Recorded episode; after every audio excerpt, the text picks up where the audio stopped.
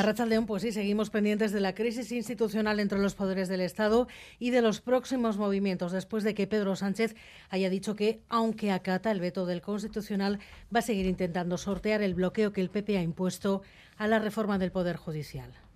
Sí, fuentes parlamentarias socialistas confirman que presentarán una proposición de ley que recogerá las mismas peticiones que recogían los dos puntos paralizados por el Tribunal Constitucional, es decir, cambiar el sistema de votación para elegir a los miembros del Tribunal Constitucional. En este momento tratan de sumar las firmas de los grupos que facilitaron la investidura. Quieren actuar como un bloque frente a la derecha. La vía más rápida sería tramitar esa proposición de ley de urgencia. Es lo que planteaba esta tarde en TV3 Jaume Sens. Es pot tornar a presentar per la vía d'urgència i es pot tornar a votar y aprovar. Por esta vía, la reforma se podría aprobar en menos de un mes. Eso sí, para ello habría que habilitar enero, que es un mes inhábil, no hay actividad parlamentaria. Mientras, la mesa del Senado ha acatado hoy la resolución del Constitucional y ha eliminado del texto de la reforma del Código Penal el punto que han paralizado los jueces. De esta forma, el resto de la norma sigue su tramitación. La modificación de los delitos de sedición y de malversación se votará el jueves. Pues parece por lo tanto, que habría plan B. Eso es lo que podría hacer en estos momentos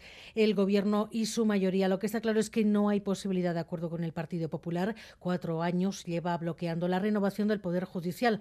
La mayoría conservadora atendió ayer al milímetro las peticiones de Génova para impedir que el Senado votara la reforma que sí pudo aprobar el Congreso la semana pasada. Las críticas de Pedro Sánchez. Refleja el propósito por parte del Partido Popular de retener por medios espurios un poder que los ciudadanos no han validado en las urnas. Núñez Feijóo pone ahora nuevas condiciones para renovar el Constitucional y el Consejo que Sánchez renuncie a reformar los delitos de sedición y malversación.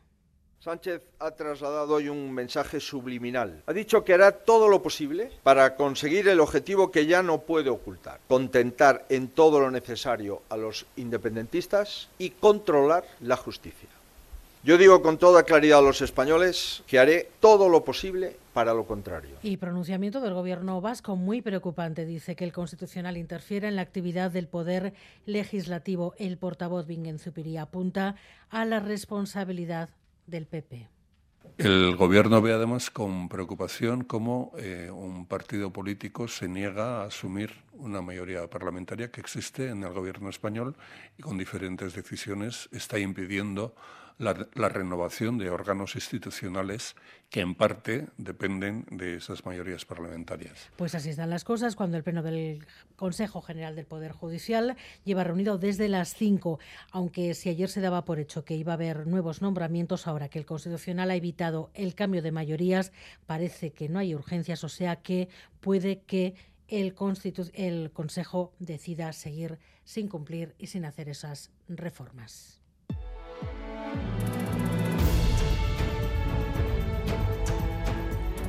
Antes de seguir adelante, un apunte de tráfico. Hasta 7 kilómetros de retenciones en estos momentos en la Vizcaya 637 en la avanzada en Erandio, sentido Bilbao, a consecuencia de una colisión entre tres vehículos. Hay una persona herida que ha sido trasladada al hospital de Cruces. Los vehículos ya han sido retirados, pero todavía sigue habiendo retenciones hasta 7 kilómetros en ese punto.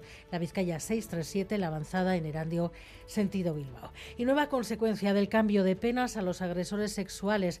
Beneficiado un condenado por abusar de dos niñas en Gasteiz. La semana pasada el Supremo ya redujo la pena a la mitad y ahora la audiencia de Álava ha ordenado su puesta en libertad porque ya ha cumplido tres años de condena. Y Osakidecha va a adecuar el horario de los centros de salud durante las Navidades. Dependerá de cada centro y se va a extender esta modificación hasta el 10 de enero. Natalia Serrano.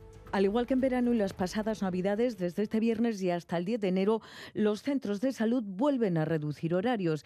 El servicio habitual de 8 a 8 pasa a estar abierto de manera generalizada hasta las 5 de la tarde y en casos excepcionales solo hasta las 3. No obstante, según una previsión inicial, habrá centros de salud de pequeñas localidades que cerrarán antes incluso de esa hora algún día y otros que durante dos o tres jornadas van a estar cerrados cerrados. La situación va a ser variable. Habrá centros que adecúen sus horarios durante todas las Navidades, otros solo en días concretos y otros en ningún caso. El Gobierno vasco explica que la falta de profesionales, las cientos de bajas que registra Osakidecha y las vacaciones de los profesionales fuerzan a esta situación. Bingen Zupiría, portavoz. Constatamos también las dificultades que todos los sistemas de salud europeos, también Osakidecha, están teniendo en estos momentos para contratar a más médicos y enfermeras.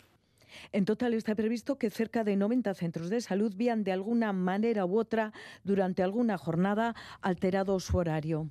Y la consejera ha intervenido directamente en el diálogo con los jefes médicos del Hospital Donostia. El día después de la reunión con la directora de Osakidecha, Gochones Agardui, ha enviado una carta a los jefes de servicio con una precisión. El hospital será el único que aplique la técnica IPEC y Manuel Manterola.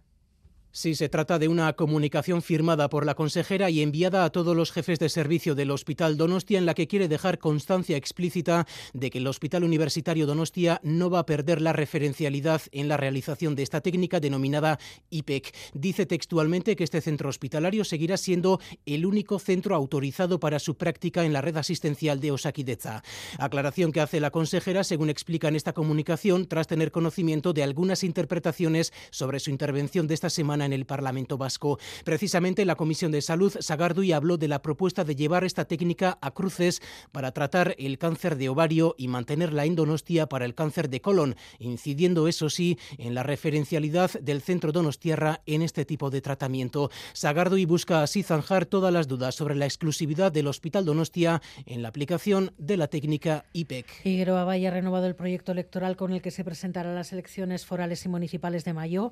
Gueroa Social Verde PNV y Atarrabía Taldea han cerrado un acuerdo para reeditar la coalición con el objetivo de consolidar el cambio y llevarlo también a los ayuntamientos Usue Barcos. Queremos desde Gueroabay dar un paso más esta próxima legislatura en la consolidación del cambio en las instituciones navarras.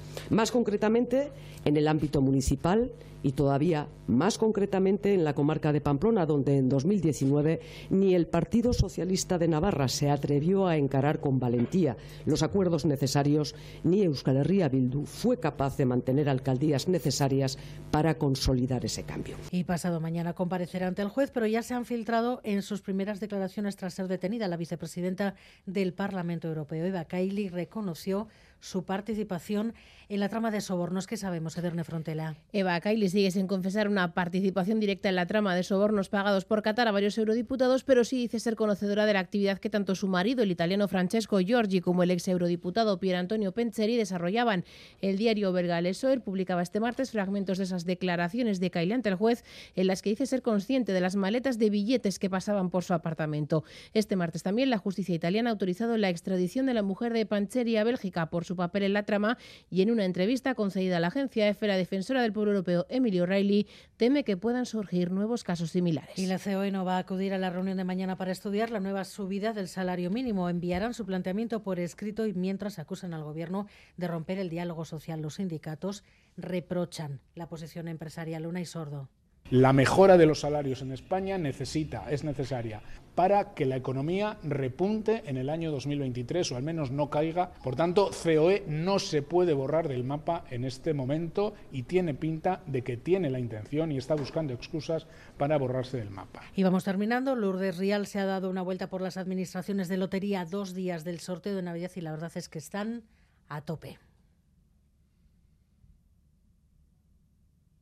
77 euros de media nos gastaremos en Euskadi para entrar en el bombo el jueves. Tras dos años de capa caída por la pandemia, la vuelta a la normalidad en bares y empresas ha hecho que las ventas se disparen esta vez, también en ventanilla. Así que se quede aquí o no el gordo, loteros y loteras felices. Una tradición ligada a la superstición. Venía de camino para aquí, he pensado el número y he dicho la fecha de mi madre. Si no es la de mi madre, es la de mi hijo, si no la de mi mujer. En mi casa siempre se ha jugado bastante lotería, hoy ya es algo tradición. La familia de mi padre siempre va por el 7. Como el número de la buena suerte de mis abuelos y literalmente ha sido como algo ya de tradición y de generación en generación.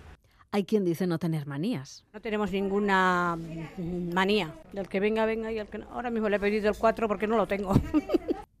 Descubrimos que ha comprado décimos de todas las terminaciones y así, claro, algo le toca seguro.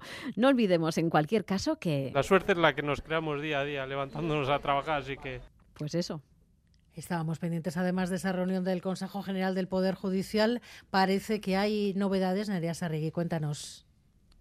Sí, acaba de terminar el pleno, han realizado la, votación y ninguno de los candidatos propuestos por los vocales conservadores ha obtenido los tres quintos necesarios para ser designado magistrado del Tribunal Constitucional. César Tolosa y Pablo Lucas han recibido cada uno diez votos y José Manuel Vandrés siete. Este último era el candidato de los progresistas. Ninguno ha, conseguido los tres quintos necesarios, así que la situación queda igual. Ninguno eh, es designado magistrado del Tribunal Constitucional. Bueno, pues el embrollo jurídico sigue donde estaba no hay renovación del momento del, del Tribunal Constitucional a la espera de que el Gobierno presente junto a sus socios esa nueva proposición de ley para hacer de esta manera lo que no ha podido hacer a través de la reforma del Código Penal. Todo así de enrevesado. Venga, pues así están las cosas. Es que recasco, Arancha.